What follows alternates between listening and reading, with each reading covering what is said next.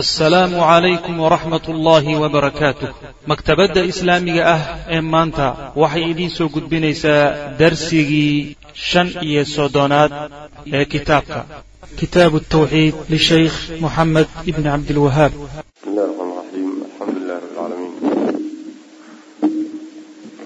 bsmi llahuma wslm la nabiyina mxamedi wla alih wsaxbihi ajmaciin ama bacd qala almualifu raximah llahu tacaala baabu man hazla bishayin fiihi dikru llah aw ilqur'aani aw alrasuul wuxuu baab u yahay man hazala ciddii ku jeesjeesta bishayin wuxuun waxaasoo fiihi dhexdiisaba dikrullahi ilaahay dikrigiisa uu ku yaallo aw amase bilqur'aani aw ilqur'aani aw bilqur'aani qur'aanka ku jeesjeesta aw ilrasuuli aw birasuuli ama rasuul ku jeesjeesta salawatullahi wasalaamu caleyh taas ayuu baabu yahay macnaha wuxuu baabku kaga hadlayaa mid ka mid a waxyaalaha nawaqidul iimaanka la yidhahdo ee iimaanka baabi'iya iimaanka jabiye macnaha ama buriya ayuu meesha kaga hadlayaa taasoo ah in lagu jees jeeso ilaahay subxaana wa tacaala waxyaalaha uu weyneeyey oo sida dikrigiisa oo kale axkaamta sharciga ah qur'aanka lagu jees jeeso rasuulka lagu jeesjeeso salawatullahi wasalaamu caleyh taas oo waxoogaa la liido macnaha waxoogaa la xaqiro. Waxay ka mid tahay waxyaalaha dadku ay ku gaaloobaane macnaha iimaanka baabi'iyay ka mid tahay macnaha wa qawli llahi tacaala iyo ilaahay odhahdiisii uu baab yahay uu yidhi walain sa'altahum haddaad weydiiso layaquulunna waxay odhanayaan munaafiqiintii inamaa kunnaa waxaan ahayn uun nakhuudu kuwa dhumbada wa nalcabu oo ciyaara. Ciyaar iyo waxay u naga ahayd mare qul waxaad tidhaahdaa abillaah ma alle iyo wa aayaatihi iyo aayaadkiisa iyo wa rasuulihi rasuulkiisa miyaad kuntum ahaydeen? Tastahzi-uuna kuwa ku jeesjeesa laa tactadiruu ha cudurdaaranina qad kafartum waad gaaloodeen. Bacda iimaanikum iimaankiina kadib baad gaalowdeene waxba ha cudurdaaranina in nacfu haddii aan cafino can daa'ifatin koox oo minkum idinka idinka mid a nucadib waanu cadaabi daa'ifatan koox ayaanu cadaabi biannahum kaanuu inay ahaadeen darteed baana u cadaabaynaa. Mujrimiina dembiilayaal. Macnaheedu waxa weeye ilaahay subxaana wa tacaala diintiisa iyo wax alla wixii calaaqa la leh in la weyneeyuu amray. Iimaankaana saa keenaya shay markuu ruuxu rumaysan yahay mabda ahaan uu rumaysan yahay caadatan waxaa la yaqaanaa inuu taqdiiriyo oo qiimeeyo oo uu la weynaado shaygaas. Usan la fududaanin. Iyo sidii iyo meeshaa iskaba dhigbayada caayitaan iyo aflagaadana iska badaa sidaasaa lagu yaqaanaa. Marka ilaahay subxaana wa tacaala sidaasuu amray oo in la weyneeyo waman yucadim shacaa'ir allah fa inaha min taqwa alquluub. In la weyneeyo shacaa'irta ilahi subxana wa tacaala oo axkaamta sharciga la weyneeyo kitaabka la weyneeyo oo rasuulka la weyneeyo salawatullahi wasalaamu caleyh la qadariyo taasaa ma'muura macnaha lays amray haddii marka ay dhacdo in la liido oo la fududaysto oo la quudhsado oo la aflagaadiyo oo macnaha wax wey wax laga sheego waxaa imaanaysa marka in la gaaloobo oo dadka noocaas sameeya ay islaamka ka baxaan macnaha arrintan aa kutusayso nabiga waktigiisii salawatullahi wasalaamu caleyh waktigii nabiga ayaa waxaa dhacday. Qolyo munaafiqiin ahoo nabiga la socday sal lla alay waslam sida inoo imaan doonto xadiidku inoo keeni doono ayaa waxay ku jeesjeeseen saxaabada nabiga sal lla alay wasalam waxbay ka sheegeen oo way aflagaadeeyeen markaasay aayaadkani soo degeen way cudurdaarteen marka maxaa waxaan idinku watay oo ugu kacdeen marka la yidhi? Ayay marka cudurdaar la yimaadeen oo yidhaahdeen jid baan haynay oo waa lugeynaynay oo waanu ku madadaalanaynay. Ciyaar iyo uun waxay naga ahayd uun jidka uun dhibkiisa isku dhaafiya oo ku mara jidka umaan islahayn laakiin wax qalbiganaga ka soo go'ay iyo xumaan qalbiganaga ku jirta ma ahayn. Cudurdaar noocaasoo kale la yimaadeen. Kuwiibaa marka ilaahi subxana wa tacala aayaadkan ka dejiyey. Waxaa lagu yidhi walain sa'altahum haddaad nebiga weydiiso ood ka tidhaahdo war maxaa xumaantan idiin geeyey? Maxaad ilaahay iyo waxaan ujeeda maxaad ilaahay yani nabiga sal ly slam saxaabadiisa. Maxaad u aflagaadayseen haddaad tidhahdo layaquulunna waxay odhanayaan inamaa kunna waxaan uun ahayn nakhuudu kuwa dhumbada. Hadalka unbaa nala jeeda wey macana wanalcabu oo ciyaara. Yani waa uun hadalkaan meesha nala derderay talabaadna waanu ciyaaraynay. Wax uun afka unbuu ahaaye wax qalbiga gaadhsiisan ma ahayn. Oo xumaan qalbiga kuma jirto. Wax qalbiga ka soo go'ayna ma aha. Alla subxaana wa tacaala wuxuu ku yidhi isagoo cudurdaarkoodaas meesha ka saaraya qul waxaad tidhahdaa abillaah ma ilaahay. Iyo wa aayaatihi aayaadkiisa kuwa kawniga ah iyo kuwa tanziiliga ah.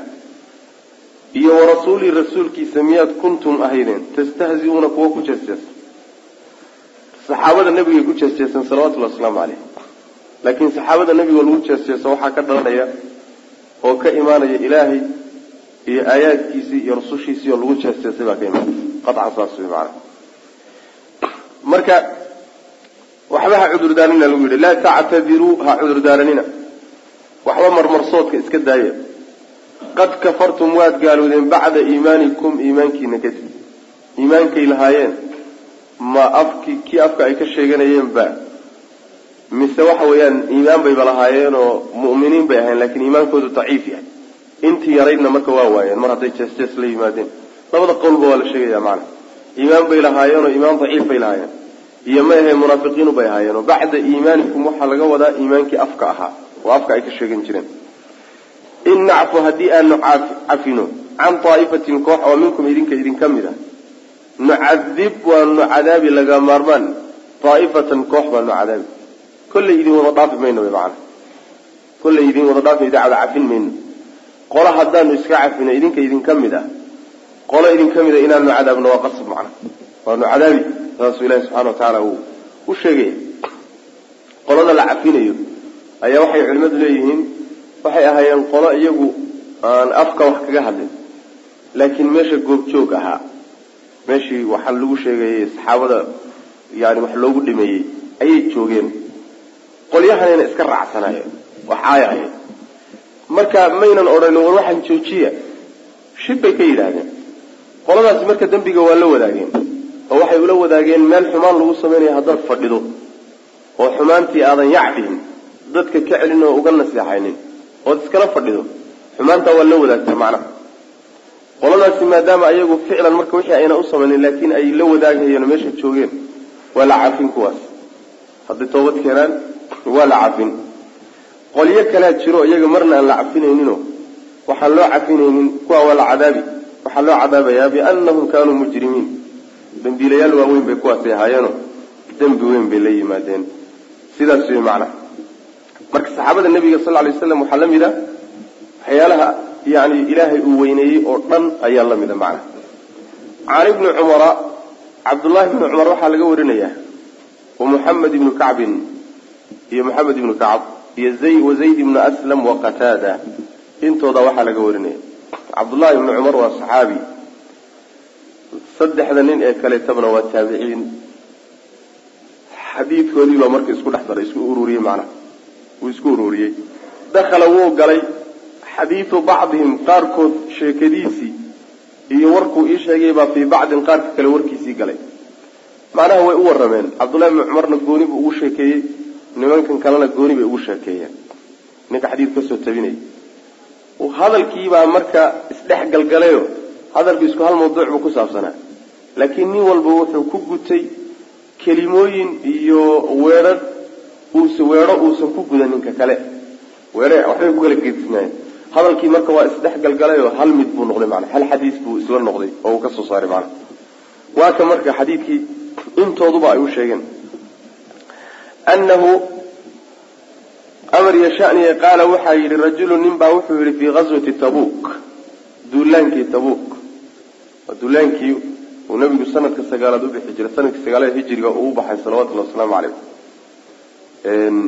nimankii reer ruum la odhan jirayna uu inuu kula kulmo doonayay nabigu sal lay slam kadibna waa ka soo laabtay.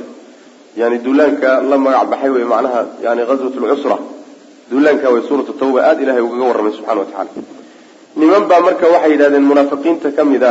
Nin munaafiqiinta ka mid a wuxuu yidhi maa ra'aynaa maanaan arag buuri mithla quraa'ina quraadanadan culimadanadan oo kale maanaan arag. Culimadanadan wax lamida oo kale maanaan arag. Haaulaa ee kuwan ah arqaba yani kuwo ka waaweyn oo ka ballaadhan butuunan xagga caloosha. Ka caloola waaweyn. Walaa akdaba ka been badan alsunan xagga carabyadana. Walaa ajbanuu ka fulaysan cinda alliqaa rag markii lays helo. Yani sidaasay ku yidhahdeen. Waxay yidhahdeen quraada waxay ka wadaan raggii yani qur'aanka akrin jiray ee culimada saxaabada ahaa kuwaasay ka wadaan. Weliganaba kuwan oo kale maanaan arag bay dheh kuwanagan oo kale. Weliganaba maanaan arag. Yani calool weynan iyo hunguri weynan iyo been carabka ah iyo fulaynimo oo ragba la iska dhicinayn saddexdaas wax kula midaba maana arag dheh yacni waxay ka wadaan dadka quraada ay leeyihiin rasuul allahi sal lay sl rsulkay ka wadaan waa asxaabuhu lquraa iyo asxaabtiisii quraada ahaayee macnaha macalimiinta ahaayee qur'aanka yaqaanay. Fa qaala lahu cawf bnu malik saxaabiga cawf bnu malik la yidhahda wuxuu ku yidhi ninkii sidaa yidhi kadabta been baad sheegtay walaakinaka munaafiqun. Laakin munaafiq baad islaamka waad ku gabanaysaa urkaad gaal ka tahay. La uhbiranna waanan u sheegi bui rasuul lahi sal lay slam rasuulkaan u sheegi hadalkaaga nabigaan gaadhsiin. Fadahaba waxaa tegay cawfan cawf baa tegay ilaa rasuuli lahi sal lay sl nabigu aaday liyukhbirahu si uu u sheego hadalkii. Fawajada wuxuu helay cawf. Alqur'aana qur'aankii oo qad sabaqahu kaba soo horumarayba intuu sii socday ayuuba waxyii soo degay. Arrintiiba ka warramay. Cawf markuu nabiga u tegayba salawatullahi wasalaamu caleyh qur'aan baaba la akrinaya. Arrintii ku saabsan. Ayib fa jaa arajulu ninkii baa marka yimid. Tala isku dhawaantay marka. Meel xun bay arrintu ninkii yimid. Fa qaala wuxu uhi yaa rasuula allah rasuulka ilaahayo inamaa kunnaa waxaanu un ahayn. Naquudu kuwa dhex gala. Wanalcabu oo ciyaarna wanataxadatu waanu iska sheekaysanaynay xadiida rakbi jamaacada iyo dadka socotadaa sheekadoodoo kale. Naqtacu waxaanu ku goynaynay bi isaga cani ariiqi jidkaan iskaga goynaynay jidkaanu ku marayna wy macna. Ilan markaad macnaha jid hayso xoogaa maaweelaad isaga baanta. Marka waa iskaga maaweeli iyo sheekay iska sheeko jid bay iska ahayd macnaha qaala ibnu cumar wuxuu yihi kaanii waaba anigoo anduru fiirinaya. Ilayhi ninkaas inaan fiirinayaad mooda hadda. Mutacalliqan isagoo ku dhegan bimiscati naaqati rasuuli lahi sal lay wasalam hasha uu nabigu saarnaa xadhigeeda isagoo ku dhegan nisciga waxaa la yidhahdaa macnaha waxa waa xadhigga reeryada lagu xidha wa ama maraagdhe ama macnaha cayndhe ama wuxuundhe macnaha. Wa ina alxijaarata dhagaxaantiina tankubu waxay ay garaacayso rijlayhi labadiisa lugood bay garaacaysa hasha xadhigeedii buu ku dhegan yahay reeryada ku xidhnaa dhagaxyaantuna lugahay ka garaacayaanoo hashuu macnaha daba ordahayaayo sidaasuu dhinaca u wa huwa yaquulu isaguna wuxuu isla markaa leeyahay inamaa kunaa naquudu wanalcab nebiyo waanu ciyaaraynay oo arrinta hadalkanbaa meesha nala maray. Ee halii cafiyo macnaa saas le waa cudur daaranaya. Fayaqulu lahu rasuulu lahi sal lay sl nabiguna wuxuu ugu jawaabaya abillaahi wa aayaatihi warasuulihi kuntum tastahzi'uun. Laa tactadiruu qad kafartum bacda iimaanikum aayaddan buuba nabigu akrin salawatullahi waslamu caleyh maa yaltafitu ilayhi maba milicsanayo nabigu sal lay slam maba jalleecayo ma fiirinayo. Wamaa yaziiduhu ugumana ugamana kordhinayo calayhi dushiisa. Aayaddaa waxaan ahayn oo uga kordhinayo maba jira hashiisu iska saaray waa iska socdaa nabigu sal lay waslam maba soo fiirinayaba sidii caadiga lagu aqoon jiray nabiga sal lay waslam maaha wuu xanaaqay macnaha oo arrintanu aada uga xumaaday. Ninkii marka hashuu ka laalaadaa lugihiibuu macnaha waxa weye dhagaxyaanta dhulka taallaa lugaha garaacaysa nabiguna umaba abayeelaya salawatullahi wasalaamu caleyh hashiisu iska saaray iska wataa macnaha.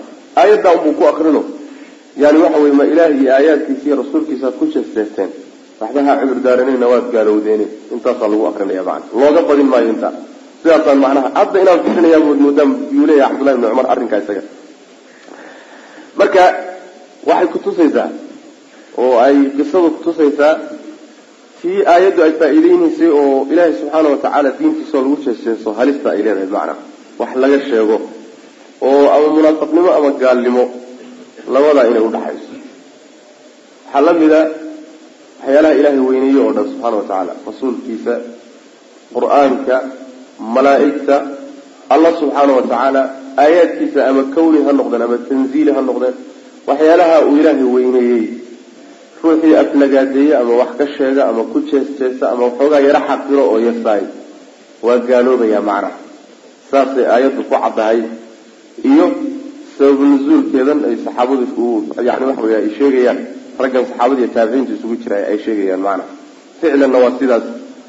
Oo macnaha waxa weye culimadu waxay isku waafaqsan yihiin ninkii ama qur'aanka caaya ama nabiga caaya salawatullhi wasalaamu caleyhi ama ilaahay caayay inuu ridoobayo islaamka ka baxayo murar male masalada iyada laba nin oo culimada ka mid iskuma hayaan waa ridoobaya.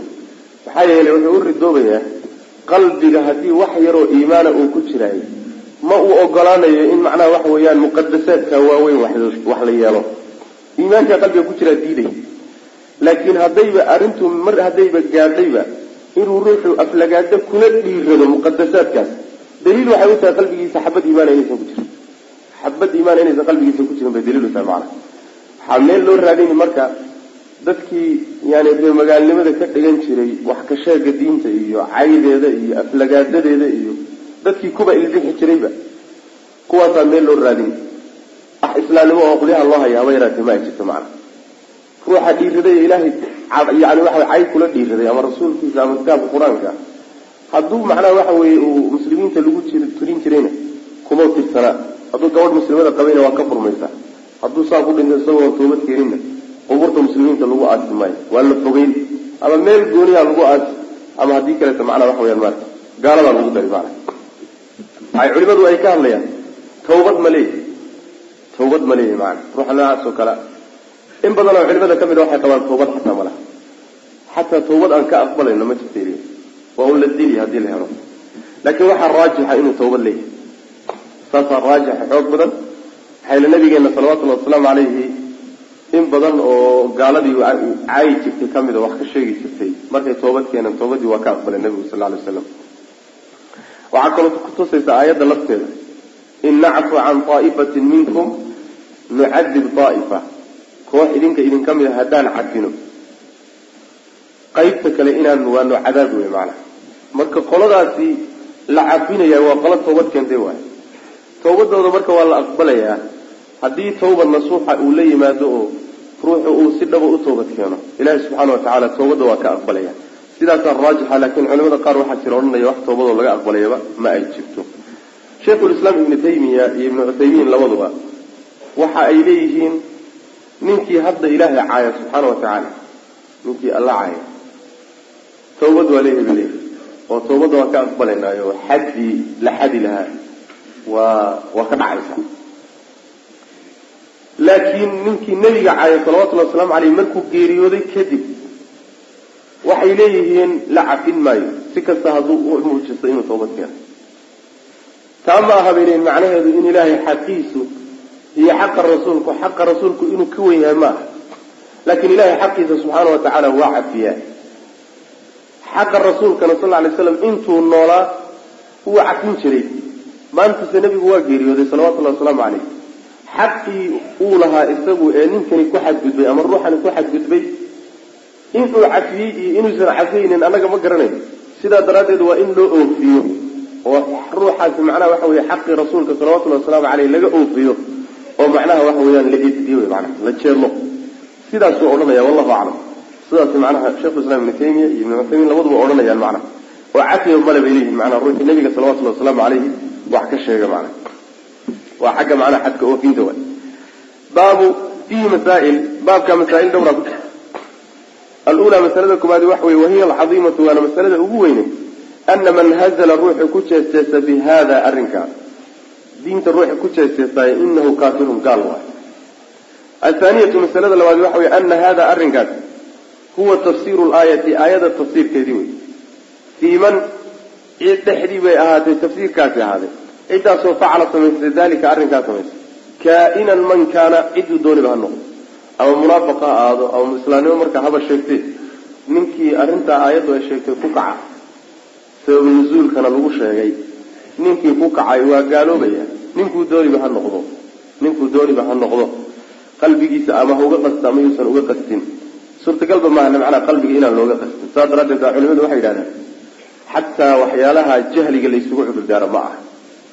Ruuxani waa jaahil yaan la gaalaysiina xataa waxyaalaha laysugu cudurdaaro ma aha.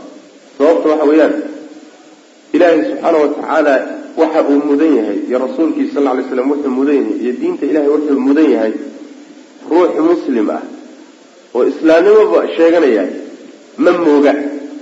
Inuu garan waayo jahli uu kaga sugnaaday waa waxaan suurtagal ahayn. Masaa'il kale inay ka qarsoomaan waa suurtagal laakiin ilaahay inuu weynayn mudan yahay oo diintiisu qadarin mudan taho rasuulkiisu qadarin mudan yahy malaaigtu qadarin mudan tahay nin ay ka qarsoon tahay haba yaraatee ma jiro. Ninkii marka yani ku dhiirada aflagaadadoodii iyo kujeesjeeskoodii wax ka sheegooda daliil waxay u tahay inuu u bareeray laakiin jahli uusan ku xambaarin. Waxaa masaladaa aada u faahfaahiyey shaykhulislaam ibnu taymiya kitaabkiisa casiiska aadka u qiimaha badan. Yani ee uu ku magacaabay assarim almasluul calaa shatim rasuul uu buu ugu faahfaahiyey oo aqwaasha culimada iyo kulli ugu soo raray. Marka in la akriya aada bay uficanta athaalithatu masalada saddexaadi waxa weeye. Alfarqu kala qaadis la kala qaado bayna alnamiimati yani warxumatashiilka warxumatashiilnimada iyo namiimada dirdirka dadka la isku diro iyo wa bayna alnasiixati iyo naseexada lilahi ilahay dartii waa loo naseexanayo larasuuli rasuulkiisa dartii.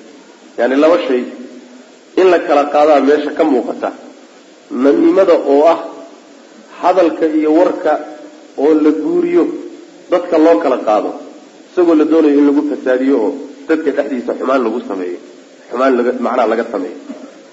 Taasi namiima la yidhahda haddii warkii aada xambaarto ruux intuu sii qaado jiha mas'uule ah ama cid wax ka qabanaysa uu u geeyo ujeedadiisuna ay tahay in diin ilaahay lagu difaaco. In diin ilaahay lagu difaaco oo ruux khatar ku haya diinta ayuu ogaaday. Ruuxa warkiisiibaa wuxuu gaadhsiiyey ama dawladii ama mas'uuliyiintii ama dadku isle waxbay ka qaban karaan buu gaadhsiiyey isla markaa ma aha fasaad samee ma ahe. Yani ruuxan xunkaa dadka ha laga qabtuulay. Sidaasoo kaleeto hadduu u sameeyo marka nasiixa lilahi walirasuulihi weye namiimo maaha macna. Namiimadu waa xaaraam oo dadka warka loo kala qaado loo kala gurguuriyo warxumo tashiilkaas. Waa xaaraamoo jannadaaba lagu waayaaba iska wax kale. Laakiin tan dambe way banaantay macnaha bal inay waajib noqotaa laga yaaba wixii khatar ee islaamka ku soo foodle in qaabkii looga qaban lahaa aada ka shaqayso oo aada warkooda gaadhsiiso ciddii macnaha waxa wey marka ad isleeda waxbay ka qaban kartaa. Waa waajib wey macnaha. Taa waxay kutusaya yani ninkii la odhan jiray cawf ibnu malik ee qisada ku jiray cawf ibnu malik nabiga salawatullhi waslamu aleyh wuxuu u soo aaday ninkaa munaafiqi hadalku ka soo baxay xunkaa inuu warkiisa soo gaadhsiiyo saasuu u soo aaday nabiga salawatullahi waslamu aleyh marka jaajuus ma aha nin saxaabadii nabiga salawatullahi wasalaamu aleyh war xun ka soo tabinayana ma aha. Laakiin khatar aasan oo inay qaraxdo qarka u saaran ayuu nabiga soo gaadhsiinaya salawatullahi wasalamu aleyh si wax looga qabto macnaha. Marka nasiixada iyo namiimadu saasay ku kala gedisan yihiin namiimada iyo nasiixadu waa kala gedisan yihiin macnaha. Alraabicatu masalada afraadi waxa weeye alfarqu kala qaadis bayna alcafwi cafi alladii cafigaasoo yuxibuhu llahu alla uu jecel yahay wa bayna alghildati iyo adadayg calaa acdaai illahi ilaha cadowgiisa lagu adadkaado macnaha cafiga alla jecel yahay iyo cadowga ilaahay lagu adadkaado oo labadaasoo iyagana la kala duwo oo la kala garto oo la kala saaro macnaha sidaas wey yani nabigu salawatullahi wasalaamu caleyh caadi waxaa u ah inuu iska cafiyo dadkii dembi gala. Kama aargoosto nabigu sal alay waslam hadday isaga ka galaan ama wuxuu cafin karo uu yahay.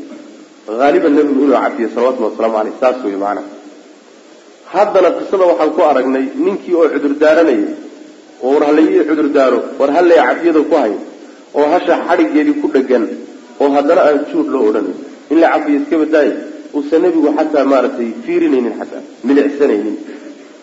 Marka laba arrimood bay kala tahayoo maqaam walba marka la joogaayo wuxuu u baahan yahay ficil gooniy u baahan yahay. Meel ad adayg bay u baahantay oo gaalada iyo munaafiqiinta iyo waxay u baahan yihiin in lagu ad adkaado cadowga ilaah in ad adayg loo muujiyay u baahan yahay. Ashidaau cala alkufaar ruxamaau baynahum. Gaaladiiyo intii gaal yani gaalada la halmaasho oo munaafiqiinta ah ad adayg baa lagula dhaqmay laakiin yani dabacsanaanta iyo nuglaantu waxay leedahay iyaduna boos bay leedahay.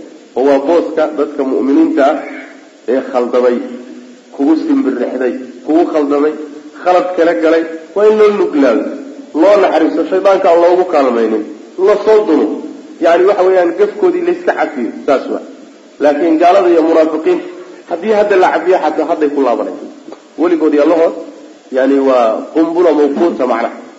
Waa mino yani wakti un sugayso inay qaraxdo un macnaha u taagan waay. Mar walba waxay u taagan yihiin islamka say dhib ugu geysan lahaa sidaa daraaddeed kuwaa in lagu ad adkaado weyaan macnaha. Oo meel meel walba shayga ay leedahay munaasabka in la mariyo waay. Alfarqu bayna alcafwi aladi yuxibuhu allah wa bayna algildati cala acdaa illah. Alkhamisatu arrinta shanaadi waxa weeye ana min alictidaar cudurdaarka waxaa ka mida maa laa yanbagii maa shay ayaa ka mida laa yanbagii aynan habbooneyn an yuqbala in la yeelo la aqbalo. Cudurdaarada qaarkood inaan la aqbalin baa fiican wey maana waa cudurdaarka lagu qarinayo dembi aan la doonayn in laga toobadkeeno. Xumaan aan lagaba soo laabanayninba oo la doonayo in la sii wato oo mabda'a xun iyo gaalnimo iyo munaafiqnimo fushay si aada u qarsoonto cudurdaarkiibo saaha lagaaga raalli noqdo. Markaa kadibna waxaaga sii wado. Cudurdaarkaasoo kale inaan la aqbalin baa fiican oo la diido oo la yidhahdo waxba lagaa yeeli maayo macnaha sidaas wey baabu qawli llahi tacala wuxuu baabu yahay ilahay odhahdiisi uu yidhi walain adaqnahu raxmata mina min bacdi dara'a masathu layaqulana hada lii wma adunu saacata qa'imata walain rudidtu ilaa rabbi ina lii cindahu lalxusna falanunabi'ana aladina kafaruu bima camiluu walanudiiqanahum min cadaabin haliib baabkan wuxuu baab u yahay oo sheekhu u sameeyey ilahay nicmadiisa subxaana wa waxyaalaha ilahay addoommadiisa uu ku galladaysto ee barwaaqada ee uu siiyo oo uu ruuxu qiri waayo mar uu camalkiisa isaga shaqadiisa iyo awoodiisa iyo raganimadiisa wuxuu ku keensaday uu ka dhigo. Marna uu yidhaahdo waaban mutaystayba waxa la ii siiyey. Waan mutaystay oo ehel baan u ahay oo waan u qalmay. Saas daraaddeed buu ilaahay ii siiyey. Marka nicmadii ilaahay subxaana wa tacaala oo loo baahnaa addoonku inuu ictiraafo oo qiro oo ilaahay inuu siiyey marka koobaad uu qiro marka labaadna inuu carabka ka mahadiyo oo ka ammaano allihii siiyey subxana wa tacala marka saddexaadna nicmadaa uu ku bixiyo meeshii ilaahay uu raalli ka yahay subxaana wa tacaala oo uusan meelaha ilaahay uusan rabin uusan marinin intaa arrintii laga rabay ayuu wuxuu ama marka hore uusan qiritaankeeduba diiday ilahay uu qiro subxana wa tacala ama marka dambuu wuxuu diidayaa inuu ilaahaygiisii afka ka mahadiyo ama nicmadiibuu meel xindhigaya macna oon loogu talagelin. Taasu baabkaasu kaga hadlaya baabu qawli llahi tacala ilahay odhahdiisiibuu baabu yahay uu yidhi walain adaqnaahu insaanka haddaan na dhansiino raxmatan naxariis oo minaa xagganaga ka ahaatay. Min bacdi daraa dhib kadib dhibkaasoo masathu taabatay. Naxariistaasi la dhadhansiinayahay waa yani waxyaalaha nicmooyinka waay sida masalan xoolo oo kale caafimaad oo kale carruur oo kale nabadgelyo oo kale waxyaalaha barwaaqooyinkaa laysa siinayo. Naxariis haddaanu dhadhansiino dhib taabtay kadib ruuxa naxariista la siinaya wuu dhibaataystaa xoolaha marka la siinayo faqiir buu ahaa wuu baahnaa. Marka caafimaadka la siinayo wuu buko sakaraad buu ahaa. Marka carruurta la siinayo waxba muuna haynin. Dhib buu marka haysta dhibkii baa inta laga qaaday. Ayaa waxaa loogu bedelay nicmo loogu bedelay muxuu odhanayaa marka layaquulunna wuxuu odhanayaa haadaa kani lii anuu ii sugnaaday. Anaa iskale ilahay baan ku siiy ilahay soo kuma siin marka la yidhaha war ilahay ad sheegaysa muxuu yahay waxaan anaa iskale anaa shaqaystay buu odhanaya raganimadeydaan ku keenay dhididkayga xoogayga ayaan ku keensaday. Wamaa adunnu una malayn maayo assaacata qiyaamadana u malayn maayo qaa'imatan inay istaagayso. Qiyaama inay imaanaysana maba rumaysnina haye. Walain rudidtu haddii lay celiyo ilaa rabbii xagga rabbiga haddii lay celiyana oon kaba soo qaadnaba inay qiyaama timaado. Xagga ilaahayna addoommada la geeyo. Walain rudidtu ilaa rabbii xagga rabbi haddii la ii celiyana ina lii waxaa ii sugnaaday cindahu alla agtii lalxusnaa tii ugu wanaaga badnayd wanaagkiisa ugu fiicanna xagguuga ii jiraaba haddayba kaba soo qaadnaba inay jirto waxa la yidhahdo macnaha qiyaamo falanunabi'anna bu alla lehy subxaana wa tacala waanu u warrami. Alladii kuwii baanu u warrami kafaruu gaaloobay. Bimaa camiluu waxay shaqaysteen baa looga warrami. Walanudiiqanahum waanu dhadhansiinaynaa min cadaabin cadaab xaggii baanu ka dhadhansiin haliidin oo kakan. Qalafsan cadaab qalafsanna waanu dhadhansiin bu alla lehy subxana wa tacaala. Macnaha markii nicmada ilaahay la siiyo oo dhibaatadii haysatay laga qaado ayuu wuxuu odhanayaa tan anaa iskale laba macnoba waa laga wadaa sida tafaasiirta salafka inoo soo socota ay muujin doonto. Macno waxa weeye inuu leeyahay haada lii anaa shaqaystay anaa shaqaystay oo xoogaygaan kula imid oo markaa wuxuu diidan yahay inuu ilaahay subxaana wa tacala waxan iska siiyey. Ilahay baa iska kaa siiyey oo kula maagay taasuu ka dagaalamaya maya anaa shaqaystay. Ama wuxuu ka wadaa haada liida wuxuu ka wadaa. Ilaahay inuu siiyo waa ogolyahay laakiin wuxuu leeyahay waan mutaystay. Xaq baan u lahaa in lay siiyo. Xaq baan u lahaa. Oo sidii wax ilaahay xaq ku leh oo qasab ku leh oo kaleeto ayuu macnaha iska dhigaya. Markuu ilaahay ogaaday inaan mudnahay in xoolahan lay siiyo ayuu ilaahay siiyey subxaana wa tacaala. Laakiin haddaanan xaq u lahayn oo aanan xaq ugu lahayn oo ehel u ahayn oo dadkii xoolahan la siin lahaa aanan ahaan lahayn ahaan lahaa maba lay siiyeenba saas daraaddeed xaq baan ilaahay ugu yeeshay subxana wa tacala hada lisaa inuu ka wadana waa suurtagal. Labadaa midku yidhaahdaba wuxuu haddana raacinayaa qiyaamadiibuba inkirayaaba wax qiyaamo la yidhahdo iyo isla soo bixin iyo isla xisaabtanna ma jiro. Waa uu nolosha adduunka haye haddii kaba soo qaad aan kulaba ogolaadaba waxaad sheegaysa oo in laysa soo saari doonana. Haddaan kulaba ogolaadana hade ilaahay agtiisa wax weyn baaba ii yaallaba oo goormaad dhigatay yacni jannaaban geli way macnaha. Shay waxyaalaha ilahay agtiisa yaalla kuwa uguna wanaag badan ayaan leeyahay macnaha. Gaal kibrey baa caadadiisu saas tahay. Gaal kibrey ayaa caadadiisu saas tahay inuu mabaadi'da oo dhanna inkiro iyo xaqa oo dhan marka xigtana ilaahay agtiisa uu wanaag ka sugo subxaana wa tacala saas gaaladaa lagu yaqaanaa iyo inta munaafiqiinta ah. Laakiin mu'miniinta waxaa lagu yaqaanaa adduunka inay shaqaystaan oo macnaha aakhare u shaqaystaan.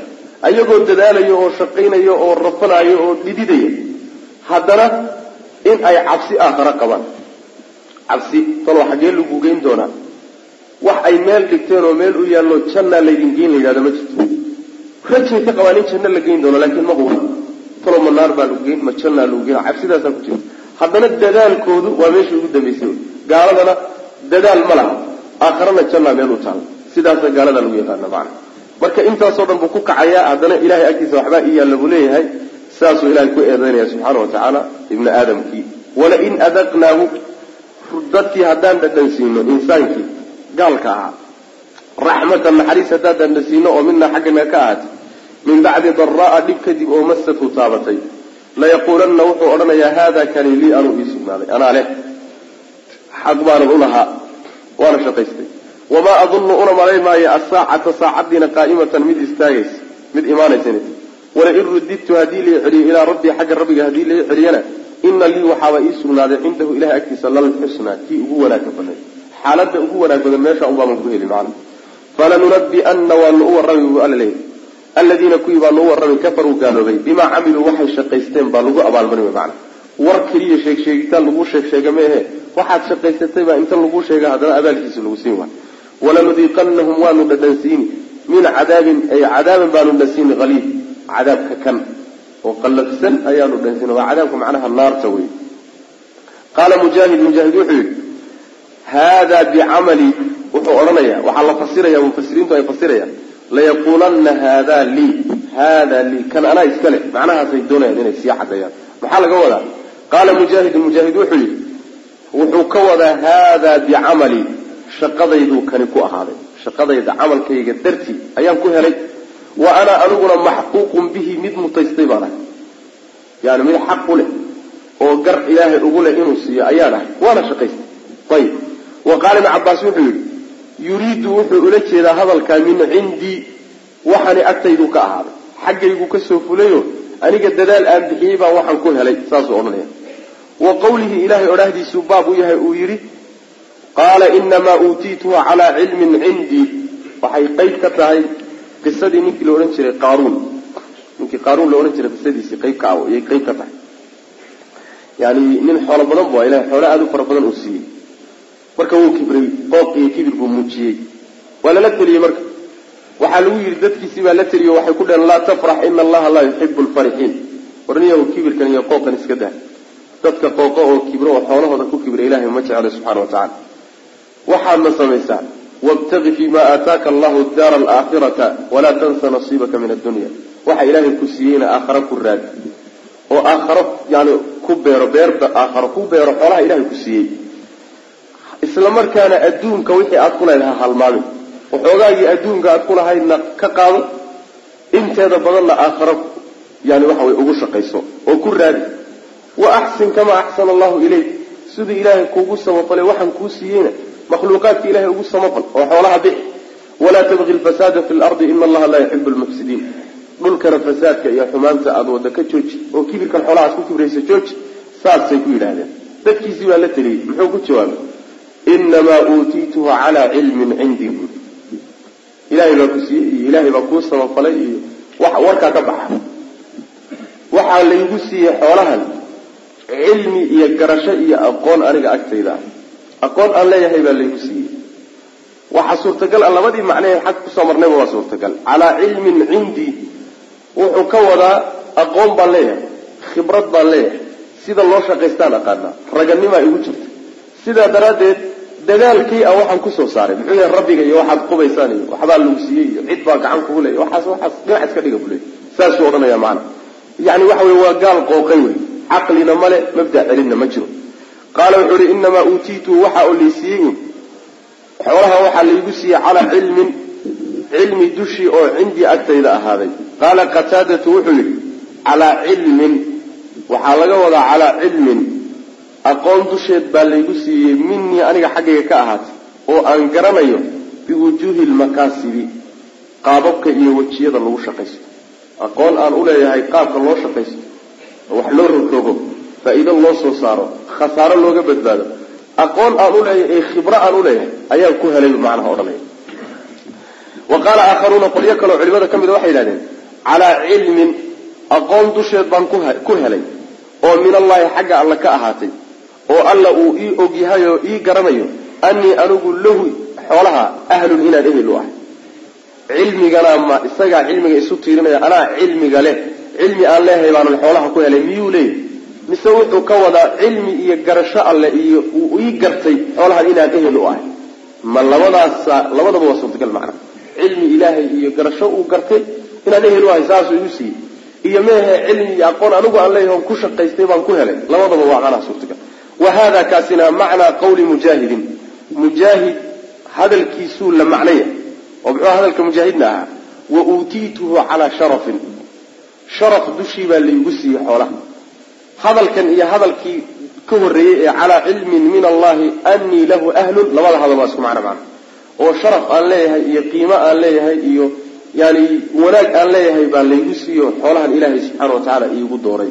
Oo dadkaa kale oo dhan laiga macnaha waxa wey sadbadiyey. Saasuu odhanaya wacan abi hurayrata abu hurayre waxaa laga warinaya anahu abu hurayra samica inuu maqlay rasuula sal ly sl rasuulku maqlay oo yaquulu leh ina alaaatan saddex oo min bani israaiila reer bani israiil ka mid ahaa saddex nin oo reer bani israiil ka mid ahaa. Abrasa mid barasla-a wa aqraca mid timalaawo ah timo malaha wa acma iyo mid indhoolo ah. Ayuu ancama allahu ilahay u nimcooy calayhim dushooda khabarkii halkaa soo geli saddex nin oo reer bani israiil ka mid ahaa. Oo midna indhoolo ahaa. Midna barasla ahaa. Cudurka baraska ee cadcadeeya jidhka ayuu qabay. Midna timamo ma lahayn. Timii baa ka buubay.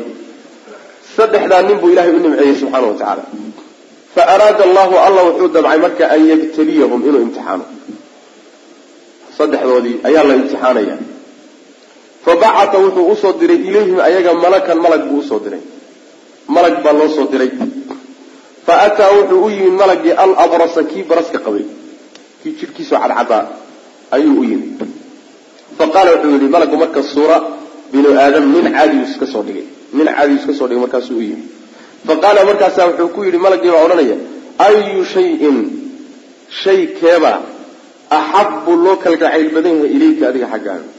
Wax jira maxaad ugu jeceshahay? Oo lagu siiyaa macnaha maxaad codsanaysaa? Qaala wuxuu yidhi lawnun xasanun midab wanaagsan wa jildun xasanun iyo harag wanaagsan wayadhabu iyo inuu iga tago canii xaggayga alladii ka shaygan qadaranii ay igu qurunsadeen annaasu dadku bihi isaga. Wax laysiiya waxaan ugu jeclahay midab qurux badan oo iisoo laabtay iyo jidhkayga guduutayoo yani isu bedelaa midabkii caadiga ahaa aan helo jidh wanaagsan harag wanaagsan iyo waxaan dadku igu qurunsadeen inuu idhaafo oo layga caafiyo macna. Yani waxa weeyaan qurunsiga waxa wey ruux markuu baras qabo dadku waa iska ilaalinayaan. Oo sibaa loo quursan oo lala fadhiisan maayo waa laga carari. Macnaha sidii wax qurun oo kaleetaa loola dhaqmaya macna marka dadkan waxay igu qurunsadeen inuu dhaafo wax laysiiya kaasaan ugu jeclahay ayib. Qaala wuxuu yihi marka famasaxahu markaasuu masaxay yani gacantuu mariyey meelihii xanuunsanaya macnaha cadcadaa oo dhan. Fadahaba waxaa ka tegay canhu xaggiisa qadaruhu qurunkii hayay oo dhan baa ka tegay.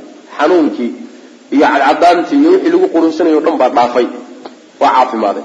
Fa ucdiya waxaa la siiyey lawnan midab xasanan oo wanaagsan. Wa jildan iyo harag xasanan oo wanaagsan. Jidh wanaagsanna waa la siiyey midab wanaagsanna waa la siiyey oo midabkiisiia qaala markaasaa wuxuu ku yidhi malagii intaa waa la siiyey haddana wax kala codsaa la leeyahy fa ayulmaali xoolahee xoolo kuweebaad axabu ilayka ugu jeceshay. Inta xoolo jirtaay kuweebaad ugu jeceshay ma geela mise ariga mise looda. Qaala wuxuu yihi alibilu geel baan ugu jeclay aw ilbaqaru mise lo waa shaka shaka isxaaq.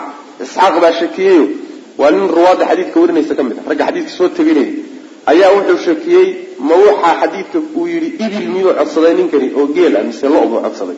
Labadiiba marka uu isku daba qoray.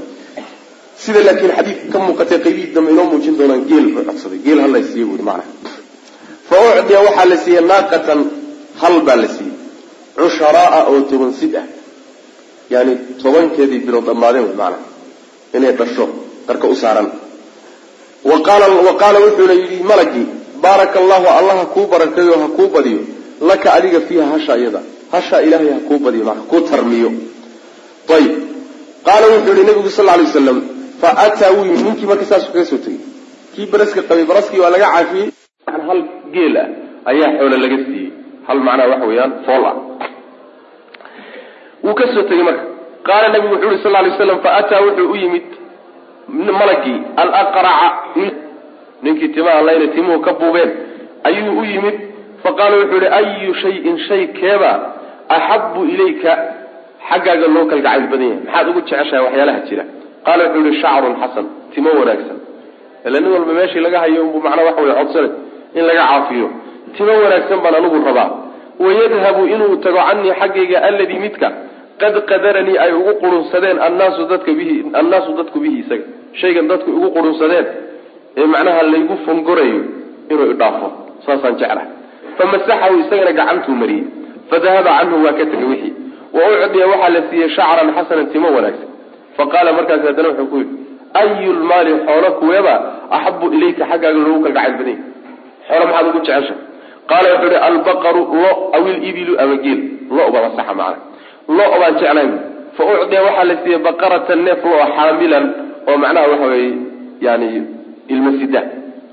Lo ilma sida oo iyadana macnaha waxa weeye dhalitaankeedu dhawaaday ayaa isagana la siiyey. Qaala markaasa wuxuu yihi malagii baaraka allahu laka allah ha kuu barakeeyo fiiha neefka looda oo ha kuu tarmiyo. Fa ataa wuxuu u yimid alacmaa indhooli saddexdii nin baynu ku jirnaa qisadoodi. Laba wuu ka soo tegey kii saddexaad buu yimid indhaha la-aa fa qaala wuxuu yihi ayu shayin shaygeeba shay keebaa axabu loo kalgacayl badan yahay ilayka adiga xaggaaga. Wax lagu siiyo maxaad ugu jeceshahay? Qaala wuxuu ihi an yarudda allahu ilaahay inuu iisoo celiyo ilaya aniga basarii aragayga inuu iisoo celiyo. Indhahayga inna iisoo noqdaan. Oo fa ubsira bihi nnaasa oon dadka ku arko. Inaan bal mar labaad adduunkii iyo dadkii iyo wixii ay indhahaygu qabtaan kaasaan ugu jeclaa macnaha famasaxahu gacantuu mariyey. Faradda allahu ilahay baa u soo celiyey ilayhi isaga basarahu araggiisii buu u soo celiyey isagana indhihii baa u soo laabtay. Fay qaala wuxu uhi fa ayu lmaali xoolo kuweebaa axabu ilayka aada ugu jeceshay? Xoolana kuweed ugu jeceshay qaala wuxu uhi alghanamu ari baan ugu jeclaa. Fa ucdiya waxaa la siiyey shaatan ri ayaa la siiyey waalidan oo iyadana dhalaysa ri dhalaysa oo macnaha waxa weeyaan ilma sida ayaa isagana la siiyey. Faantaja fa untija way ka dhashadeen. Haadaani labadaasi way ka dhashadeen. Wawallada wuu ka dhaliyey haadaa kana wuu ka dhaliyey labadii hore macnaha waxa kii geela la siiyey iyo kii neefka lo-daa la siiyey labadooduba way u dhaleen siciina dhal hashiina dhashay. Kii rida la siiyeyna isagana ridii waa u dhashay. Saas macnaha. Yani nataajka iyo macnaha wallada iyo untija waxaa loo kala isticmaala intaajka waxaa loo isticmaala geel iyo lo-daa loo isticmaala arigana wallada loo isticmaala laakiin waa isku macno wey macnaha. Ayib fa kaana xoolihii marka waa tarmeen hal hal neef baa la siiyey laakiin neef neefkii loogu u tarmay nin walba u tarmay.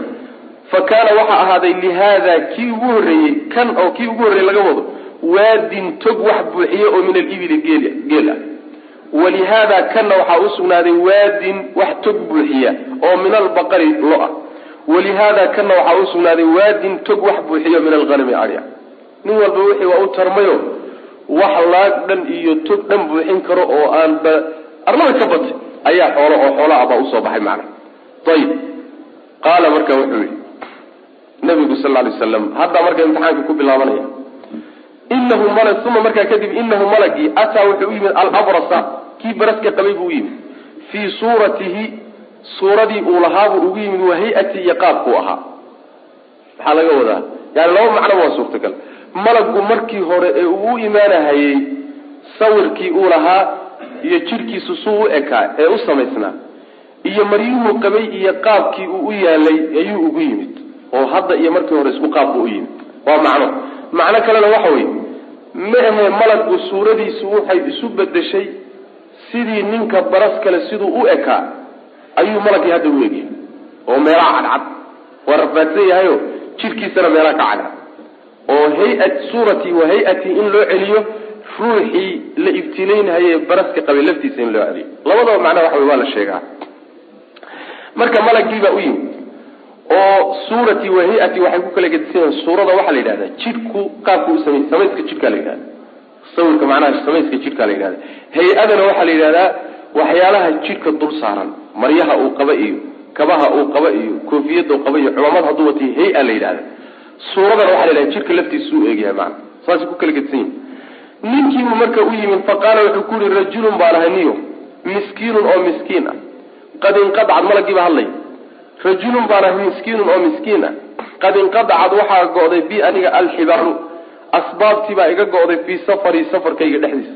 Warniyo sahaydii baa iga go'day waay xibaalka xadhiggaa la yidhahda laakiin waxaa laga wadaa sabab walba oo wax lagu gaadho.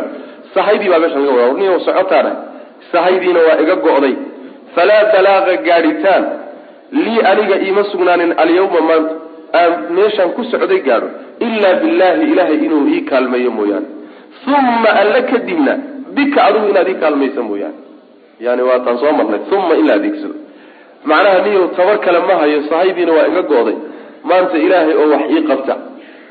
Alla kadibna adiga oo ikaalmeeyo mooyaane si kale kuma gaari karo meeshaan u socdo. Eniyo ikaalme wey maana as'aluka waxaan ku weydiisan bu biladii allaanku alla dartii baan kugu weydiisan. Alladii allahaasoo actaaka ku siiyey allawna midabka alxasana ee quruxda badan. Waljilda haragga alxasana ee quruxda badan.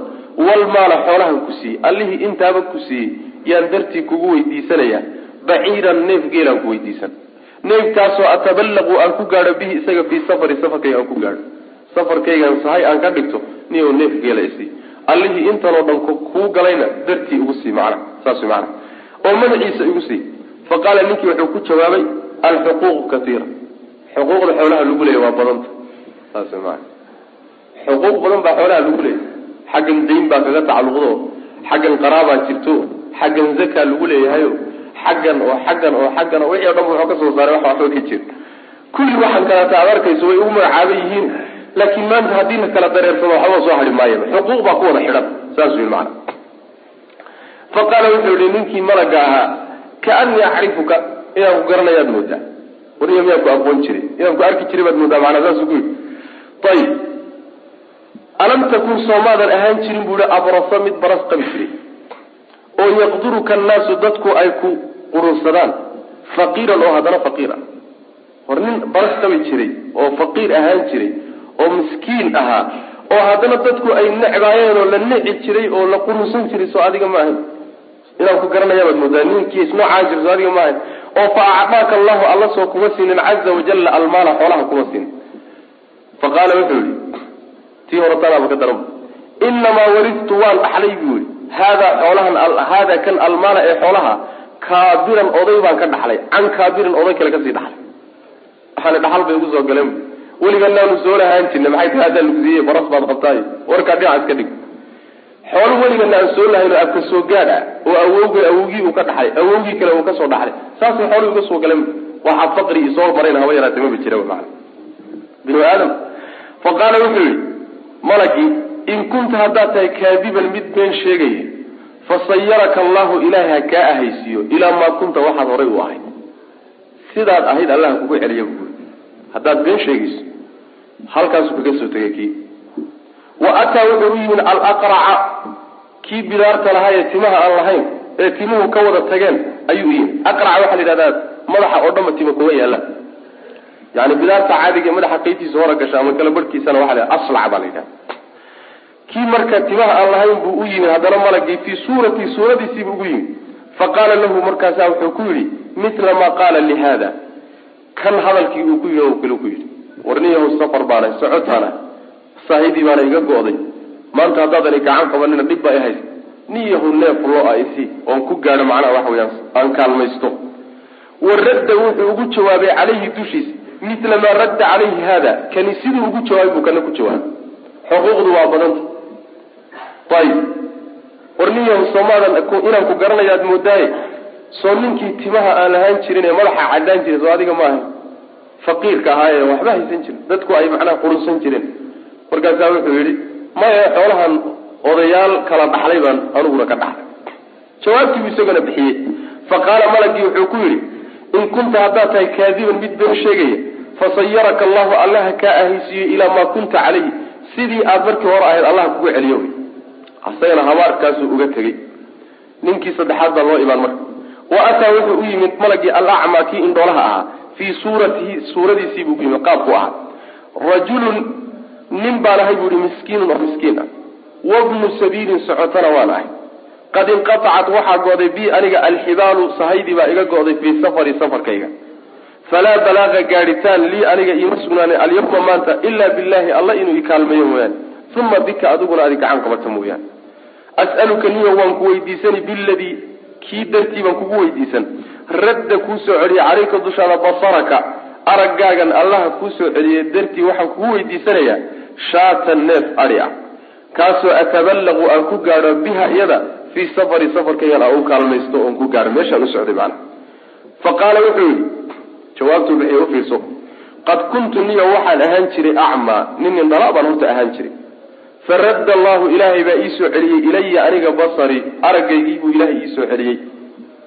Fakhud waxaad qaadataa buu yihi maa shita wax alla waxaad doonta xoolaha ka qaado wadac waxaad ka tagtaa maa shita waxaad doontana ka tag waa ka adhigii meeshaa daaqaya ama xaraysane intaad dhex gasho wax alla waxaad ka jeclaato ka dareerso. Intaad kula qumanaasana iga tag fa wallahi ilaahay baan ku dhaartay buui laa ajhaduka kugu dhibi maayo alyawma maanta bishayin waxba kugu dhibi maayo. Shaygaasoo akhadtoo aada qaadatay lilahi ilahay dartii aada u qaadatay. Shay aada maanta meeshaa kala baxday ood ilaahay dartii u qaadatay kaaga daba imaan maayo kuna weydiisan maayo kuguna dhibi maayo wa kuka fa qaala wuxuu yihi malagii amsik hayso maalaka xoolahaagii baroorta hayso. Wax haba yaraatee lagaa qaadi iyo wax lagaa dhimi toona ma jire. Waxbana lagaa dareersan maayo baroorta xoolahaagii hayso. Ko fa inama ibtuliitum waa laydin imtixaamay. Buui adiga laba ninood saaxiibo ahaydeenba waa laydin imtixaamay. Imtixaankii labadoodiiba way ku dhaceen. Adigaa ku guulaysta wy macana faqad radia allahu ilaahay baa raalli noqday canka xaggaaga. Wa sakida wuxuu u cadhooday calaa saaxibayka. Labadaadii saaxiibna waa loo cadhooday. Imtixaankaasu marka ilahay mariyey subxana wa tacaala. Labadii nin ee kalada ee xuquuqdu waa badan tahay yidhi markii masaakiintu wax u soo raadsatay malaggu wax u soo raadao miskiin aada moodo. Nimankii yihi xuquuqdu waa badan tahay oo tanaa jirto oo dhibaatadaasaa jirto oo sidan oo calaacalka ku diray nimankii sidaa yidhi xoolihiina la dhaafiyo inkaar baa ku dhacday malag baa habaanay cudurkiina inuu ku soo noqday bay suurtagaltay inkuusan xadiidka lagu sheegin. In ilaahay ka aqbalay baa suurtagal ah. Ta labaadna ilahay baa u cawraday subxaana wa tacala sababku muxuu yahay? Nicmadii rabbi subxaana wa tacaala uu u galay bay qiri waayeen. Waxa ilahay hadduu kuu galo ba horta qir. Una ogolow ilahay inuu ku siiyey subxana wa tacala midda labaadna ka mahad celiyo rabbi afka ka ammaan subxana wa tacala u fiirsa indhoolku muxuu yidhi kolkiiba wuxuu ictiraafay inuu dhibaata haysan jirto ilahay ka qaaday subxana wa tacaala markii labaad saddexaadee ugu dambaysana nicmadii ilaahay uu siiyey subxaana wa tacaala meeshii loogu talagalay ilahay raalliga ka yahay buu ku bixiyey. Saddex arrimood baa la doonay marka laysku daro. Qirid horta in la qiro marka labaadna in ilaahay la ammaano oo uu mahadiyo marka saddexaadna nicmadaasi meeshii ilahay raalli ka yahay in lagu bixiyo macana saddexdaa arrimood baa la doonaya waxaa kaloo uu muujinaya ilahay addoommadiisa waa isku imtixaanaa subxana wa tacala waxaa laga yaabaa rabbi subxaana wa tacaala isagoo kugu fiirinaya inuu kuusoo diro faqiir miskiin ah adigoo xoola haysta faqiir miskiina in laguu soo diro. Oo la yidhah bal ort ot ku soo aado. Oo wax ku weydiisto. Laguguna fiiriyo bal miskiinkaas aad ula dhaqanto. Haddaad ka baxdo marka alxuquuqu kasiira sida qolyahan oo kaleeto xagga ilahi subxaana wa tacala baa lagaaga imaan marka. Xoolihiina in lagaa qaado suurtagal ah. Markii xigtana ilahi subxana wa tacala inuu kuga cago marka laga dadaalo oo inaynu imtixaan ku jirno waa inaan dareenno wy maana inaan ibtilaysano laysku keen ibtileeyey saa inaan u garanno wy ilahina subxana wa tacala addoommadiisa uu imtixaanayo hada bilahi tawfiiq sala allahuma waslama cala nabiyina muxamedi wala alihi wasabi wasalam walaalayaal darsigaani halkaas ayuu ku eg yahay allah tabaaraka wa tacaala waxaan ka baryaynaa inuu nagu anfaco assalaamu calaykum waraxmat ullaahi wa barakaatuh